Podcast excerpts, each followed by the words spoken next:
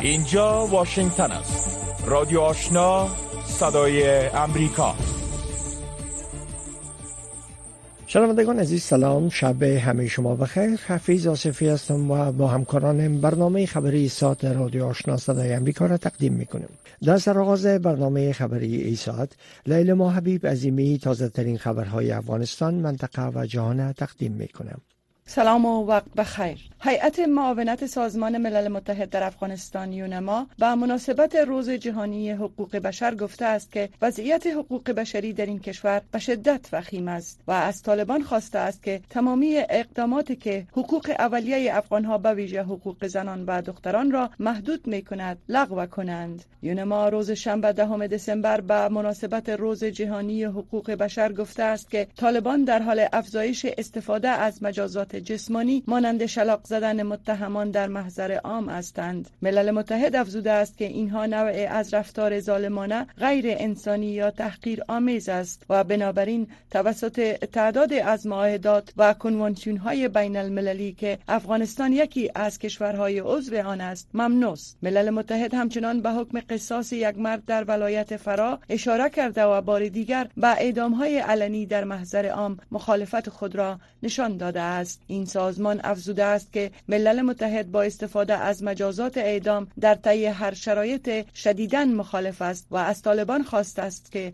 حکم قصاص را لغو و فورا آن را متوقف کنند. حکومت طالبان به تاریخ هفتم دسامبر برای نخستین بار پس از حاکمیت دوباره این گروه بر افغانستان حکم قصاص را در حضور مردم در مرکز ولایت فرا تطبیق کردند. همچنان بر اساس گزارش ها طالبان روز پنجشنبه 27 تن را به اتهام فساد اخلاقی دزدی و فرار از خانه در چارکار مرکز ولایت پروان در محضر عام شلاق زدند. طالبان تا کنون در مورد نگرانی یونما درباره نقض حقوق بشری در افغانستان واکنش نشان ندادند اما پیش از این ذبیح الله مجاهد سخنگوی گروه طالبان انتقادهای بین المللی درباره حکم قصاص بر یک مرد در ولایت فرا را عدم احترام به اسلام خوانده بود. در حالی که جهان از روز بین المللی حقوق بشر تجلیل می کند افغانستان یکی از کشورهای روبرو با آزمونهای بزرگ حقوق بشری دانسته می شود کمیشنر عالی حقوق بشر سازمان ملل متحد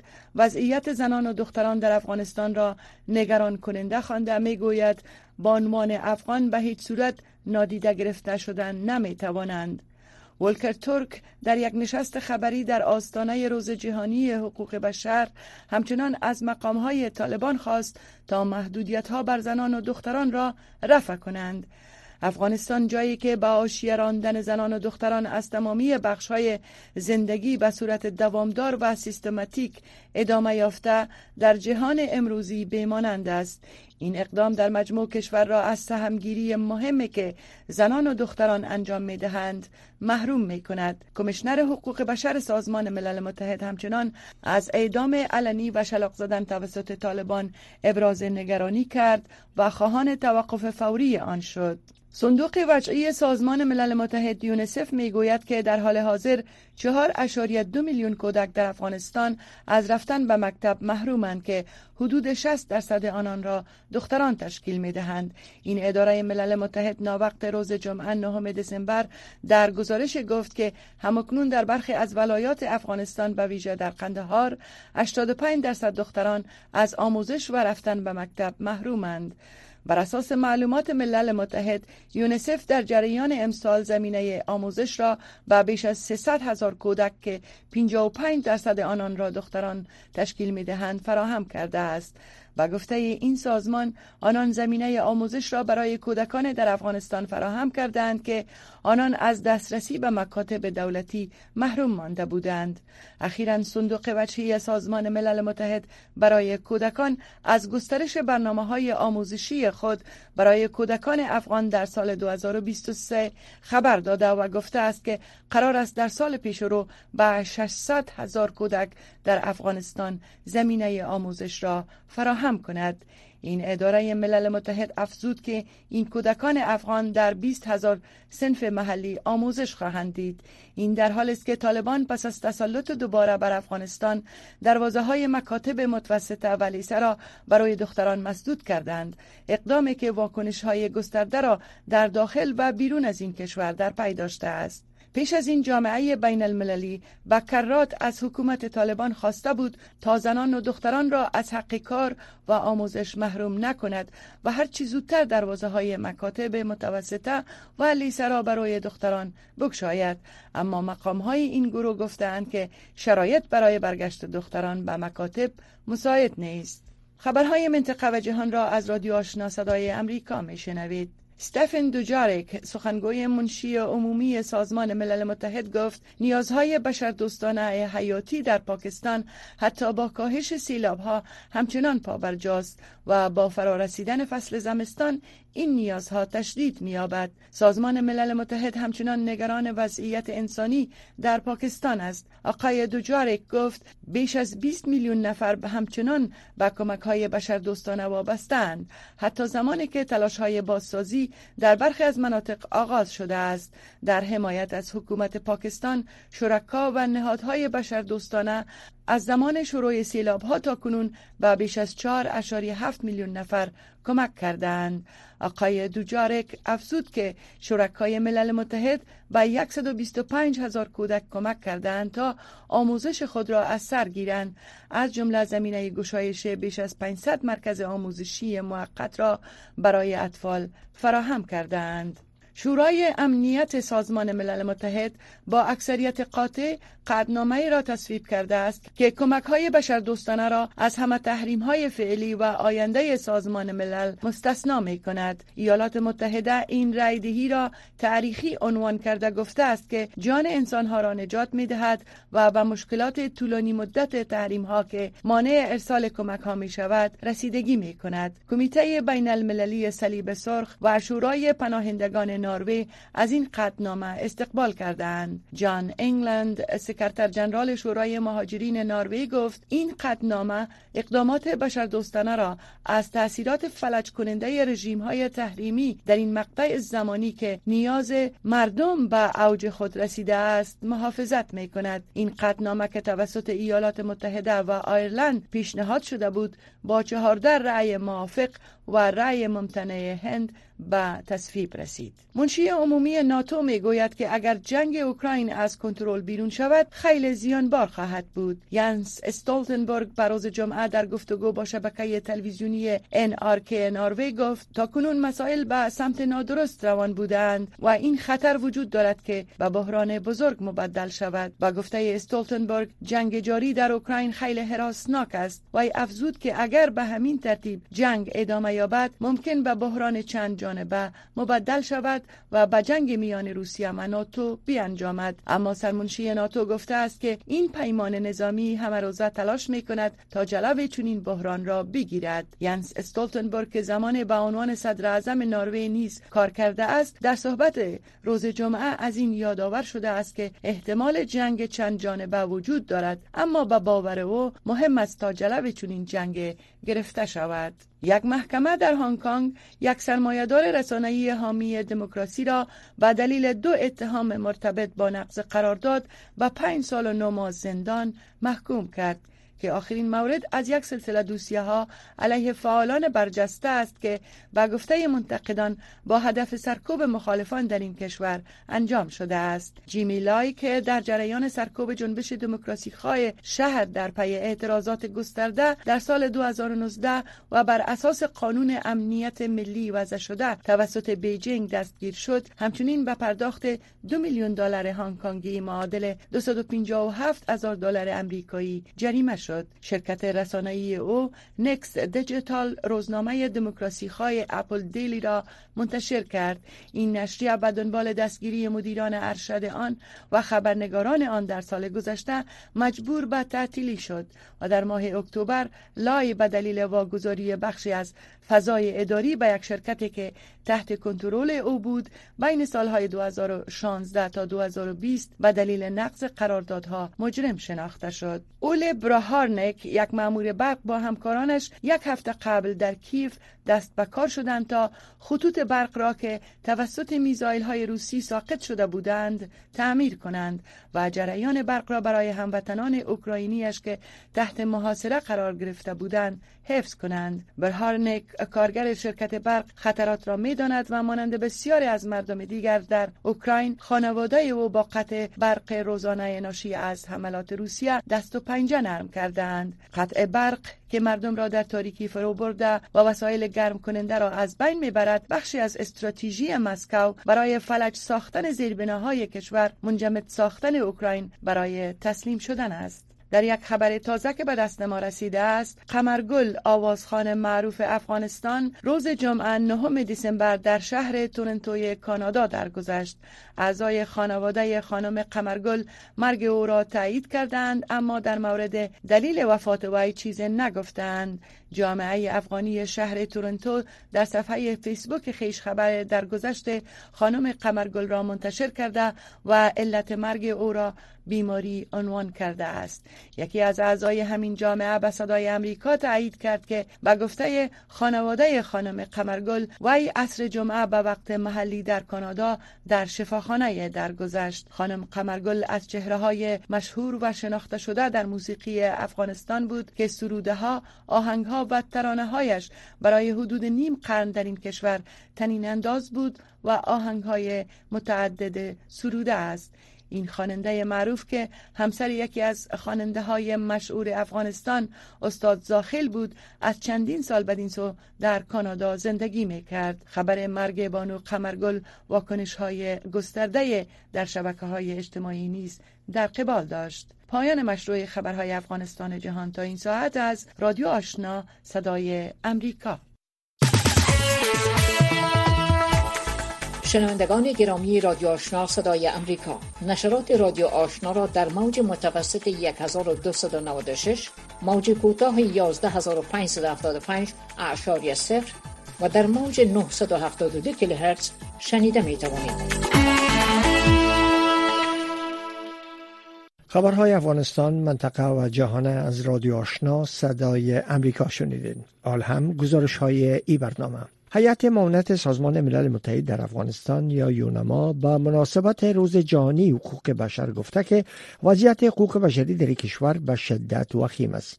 همزمان بایی مدافعان حقوق زن و فعالان حقوق بشر گفتند که حکومت طالبان نه تنها به حقوق بشر توجهی نداره بلکه بیشتر موارد حقوق بشری را نقص می‌کنه. جزیات بیشتر در این گزارش میشنویم هیئت معاونت سازمان ملل متحد در افغانستان یا یونما روز شنبه در بیانیه نگرانی خود را از وخامت وضعیت حقوق بشری در افغانستان ابراز کرده و از حکومت طالبان خواسته است که تمامی اقدامات را که به افغانها به ویژه زنان آسیب می‌زند لغو کند. یونما در این بیانیه که به مناسبت دهم دسامبر روز جهانی حقوق بشر منتشر شده گفته است که در حال حاضر حکومت طالبان مجازات تنبیه بدنی متهمان را در انظار عمومی تشدید کرده است. یونما گفته است که این گونه مجازات ها ظالمانه غیر انسانی و رفتار تحقیرآمیز است و به همین دلیل در تعداد از معاهدات و کنوانسیون های بین‌المللی که افغانستان عضو آن می باشد من شده است.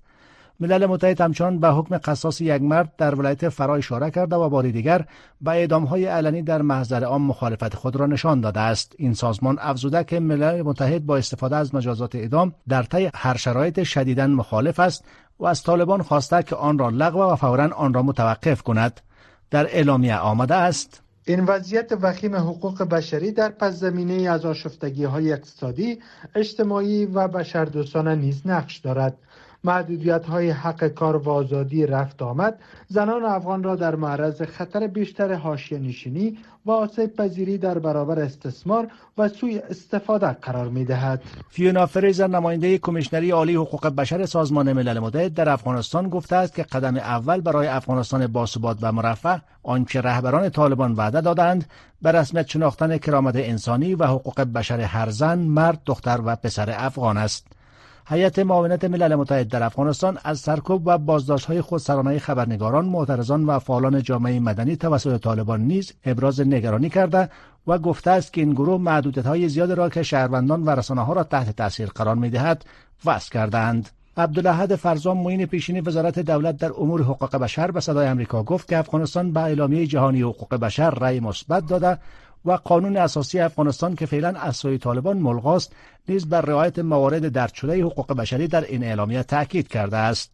آقای فرزام افزود اما با همه این الزاماتی که از نظر حقوق بین الملل وجود داره گروه طالب ها نه تنها اعلامیه جهانی حقوق بشر بلکه تمام اسناد بین المللی را که دولت های گذشته افغانستان با او الحاق کرده و او اسناد برای افغانستان الزام آور است رعایت نمی‌کنه و این اسناد را در واقع فسخ شده تلقی کرده از سوی همیونما با بازداشت ظریف یعقوبی و چهار نفر دیگر از فعالان حقوق زن توسط طالبان اشاره کرده و گفته است که با گذشت بیش از یک ماه تا کنون از سرنوشت این فعالان زن هیچ خبری نیست و گفته یونما تا کنون هیچ اطلاعات روشن درباره اتهامات علیه این فعالان زن وجود ندارد و طالبان نیز از ارائه معلومات در این مورد خودداری کردند.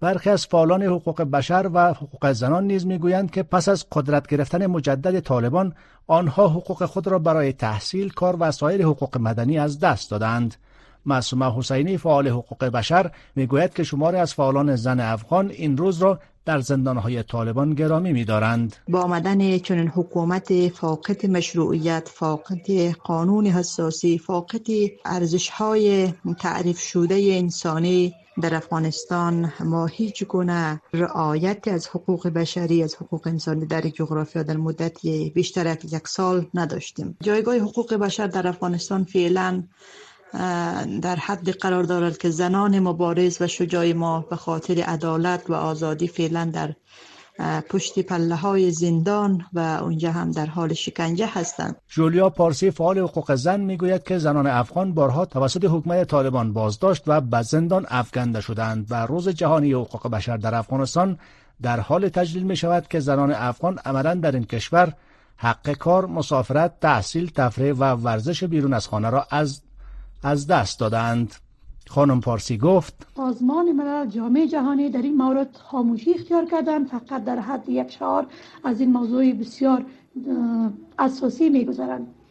نقض حقوق زنان توسط طالبان در افغانستان خیلی وخیم است و باعث پریشانی تمام زنان افغانستان است که من نمیفهم چرا سازمان ملل در این مورد توجه نمی این در حال است که حکومت طالبان روز چهارشنبه هفته گذشته حکم قصاص را برای یک نفر در مرکز ولایت فرا صادر کرد و بر اساس گزارش ها روز پنجشنبه نیز حدود سی تن را در ولایت های پروان و پکتیکا به شلاق خوردن محکوم کردند و این دستورها را در انظار عموم اجرا کردند.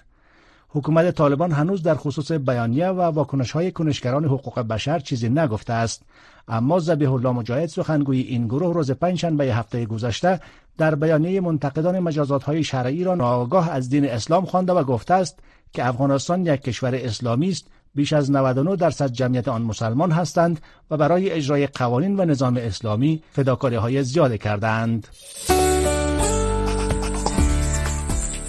شنوندگان گرامی رادیو آشنا صدای امریکا نشرات رادیو آشنا را در موج متوسط 1296 موج کوتاه 11575 اشاری سفر و در موج 972 کیلوهرتز شنیده می توانید. هند از یک طرف در حال افزایش سرعت پروژه های انرژی سبز برای کاهش انتشار کربن است اما در این حال استفاده از زغال سنگ هم در سال جاری در این کشور افزایش یافته. این کار می‌تونه تلاش ها را برای دستیابی به هدف انتشار کربن صفر خالص هند تا سال 2070 که بر مقابله با تغییرات اقلیمی جهانی حیاتی است متوقف بسازه. آنجانا پاسلیچا از دلی نو گزارش داره که برگردان او را از عبدالواجد عادل میشنویم. از زمانی که کیسا بایی پراجاپاتی از قریه مدیرا در ماه اکتبر شروع به استفاده از چرخ کلالی با انرژی آفتابی کرد تولیدات او تقریبا دو چند افزایش یافت. پراجاپاتی می‌گوید. تایم بگیره نه. اکنون می توانم گلدان های بیشتری را در زمان کمتری بسازم. قبلا برای چرخاندن چرخ به صورت دستی تلاش زیاده می شد ولی اکنون از برق کار می گیرم از سوی هم های آفتابی و کودکان کمک می تا ساعت های طولانی تری در شب مطالعه کنند. قریه مدهیرا در ایالت گجرات غربی اولین جای در هند است که به طور کامل از انرژی آفتابی تولید شده توسط صدها تخته های برقی آفتابی روی پشت بام های خانه ها و ساختمان های دولتی تغذیه می شود. این آخرین نمونه از چگونگی افزایش سطح پروژه های بزرگ و کوچک انرژی سبز توسط سومین تولید کننده بزرگ کربن در جهان است با این حال کارشناسان می‌گویند که برای برآوردن هدف تولید نیمی از انرژی مورد نیاز کشور از طریق های غیر فسیلی تا سال 2030 سرعت این کار باید بیشتر افزایش یابد. ویبوتی گارگ از مؤسسه اقتصاد انرژی و تحلیل مالی می‌گوید While we are on the right در حالی که ما در مسیر درست قرار داریم و به طور سالانه ظرفیت سوخت غیر فصولی بیشتری را اضافه می کنیم اما هنوز از سی گیگاوات ظرفیت اضافه سالانه مورد نیاز فاصله داریم.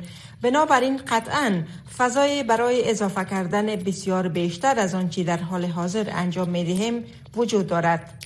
حتی با افزایش انرژی سبز صدها شهر همچنان در دود غتور است زیرا هند تولید زغال سنگ را برای تأمین انرژی خانه ها و صنایع افزایش می دهد. گرمای شدید تابستان امسال با معادن زغال سنگ زمینه را برای افزایش تولید فراهم کرد. معادن زغال سنگ جدید برای افزایش تولید زغال سنگ برای مصارف داخلی به گذاشته می شود دلیل آن این است که با رشد اقتصاد این کشور و پیوستن افراد بیشتر به طبقه متوسط. نیازهای انرژی این کشور سریعتر از هر جای دیگر دنیا در حال رشد است. قامات گفتند در آینده قابل پیش بینی هیچ مرحله انتقالی از زغال سنگ وجود نخواهد داشت. کارشناسان می‌گویند هند در ایجاد تعادل بین اهداف اقلیمی و نیازهای توسعه خود با یک مسئله واقعی مواجه است. هرجیت سینگ از شبکه بینالمللی اقدام اقلیمی می‌گوید We need to look at how economy is bouncing back. Uh, demand has been growing. سرجیت می‌گوید ما باید ببینیم که چگونه بهبودی اقتصادی در حال بازگشت است. تقاضا در حال رشد است و همچنین دیده ایم که چگونه وقوع موج گرمی بر تقاضای برق بیشتر افزوده است زیرا مردم استفاده از کولرهای هوا و تهویه مطبوع را بسیار بیشتر کردند اختلال در بازارهای انرژی جهان در سال جاری نیز کار هند را برای کنار گذاشتن زغال سنگ دشوارتر کرد ویبوتی گارگ از ماسه اقتصاد انرژی و تحلیل مالی میگوید because of the Russia-Ukraine war or because of the COVID-19 به دلیل جنگ روسیه و اوکراین یا به دلیل کووید 19 از نظر امنیت انرژی همه کشورها از جمله هند شروع به نگاه به منابع داخلی کردند و به بهره برداری بیشتر و بیشتر از آن آغاز کردند. هند از غال سنگ داخلی برخوردار است. بنابراین قطعا در چند ماه گذشته تاکید بیشتری بر افزایش استفاده از زغال سنگ شده است. وابستگی فزاینده هند به زغال سنگ می تواند برای دستیابی به هدفش برای انتشار خالص کربن صفر تا سال 2070 که برای مقابله با تغییر اقلیمی جهانی حیاتی است معضله ایجاد کند. رادیو آشنا صدای امریکا هفت روز هفته. خبر و گزارش ها و تحلیل های خبری روز. اداره های سازمان ملل متحد گفتند که قیمت گذاف مواد غذایی در سال 2022 منجر به بحران مالی شده که میلیون ها نفر به گرسنگی سوق داده. مارگریت بشیر خبرنگار صدای امریکا با شمار از آگاهان در مورد وضعیت و توقعات در سال 2023 صحبت کرده و گزارش تهیه کرده که تفصیل او را از رویا زمانی میشنویم. بر اساس گزارش برنامه جهانی غذای سازمان ملل متحد 349 میلیون نفر در کره زمین نمی‌دانند که غذای یک وقت بعد خود را از کجا دریافت خواهند کرد و این رقم در حال افزایش است. این اداره می‌گوید تا پایان سال جاری به 50 میلیون تن آسیب پذیر غذا کمک می شود که یک رقم بی سابقه خواهد بود. کارشناسان در این حوزه می‌گویند که ترکیب از عوامل باعث شده است تا ناامنی غذایی به وجود آید آنان شیوع ویروس کرونا بد امنی ها تغییرات اقلیمی از جمله سیلاب بی سابقه و خشکسالی ها قیمت بالای انرژی و حمله 24 فبروری روسیه بر اوکراین را دلایل این وضعیت می دانند. عارف حسین اقتصاددان ارشد برنامه جهانی غذا در مورد می‌گوید But even before the war in Ukraine, the food price were at a 10-year high earlier this year. Fuel was at a seven-year high. We were already talking about inflation.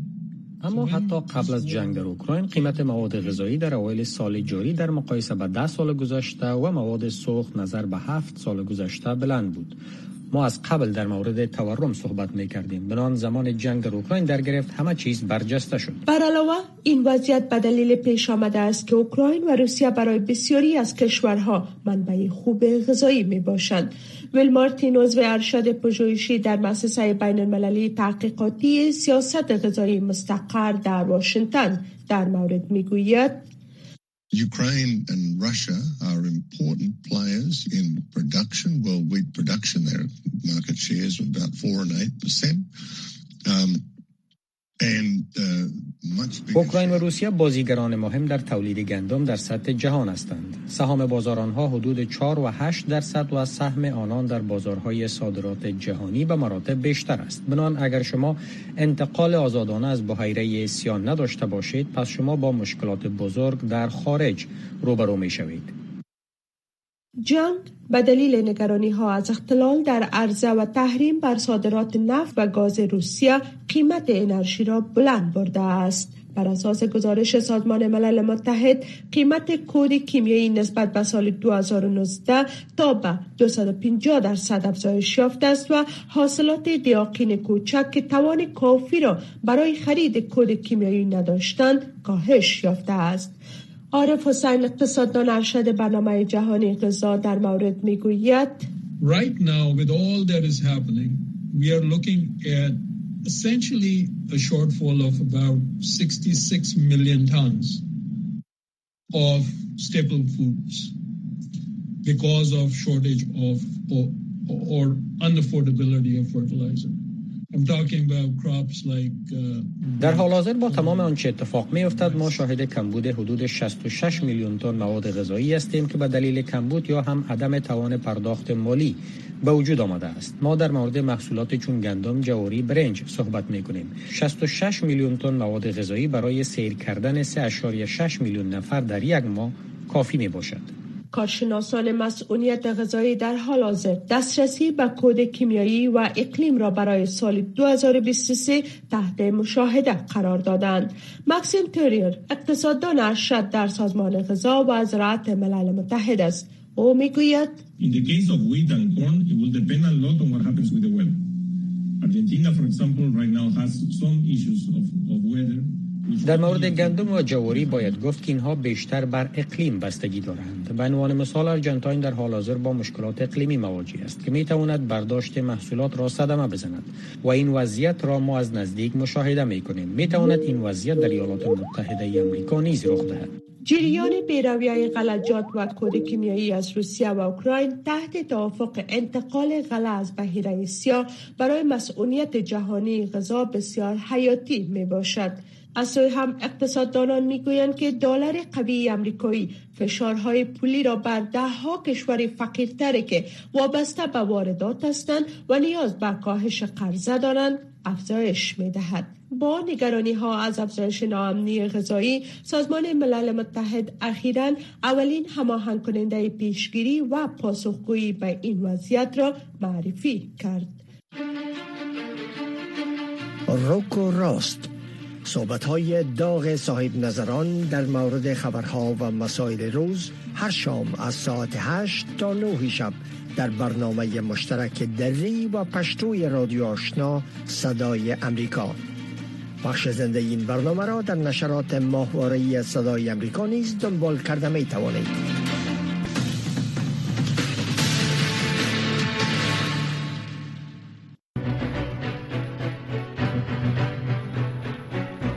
شنوندگان عزیز. ای بود داشته های برنامه خبری که در همینجا به پایان رسید. اما نشرات پشتو و دری رادیو آشنا صدای امریکا همچنان ادامه داره. شنونده رادیو آشنا باشید.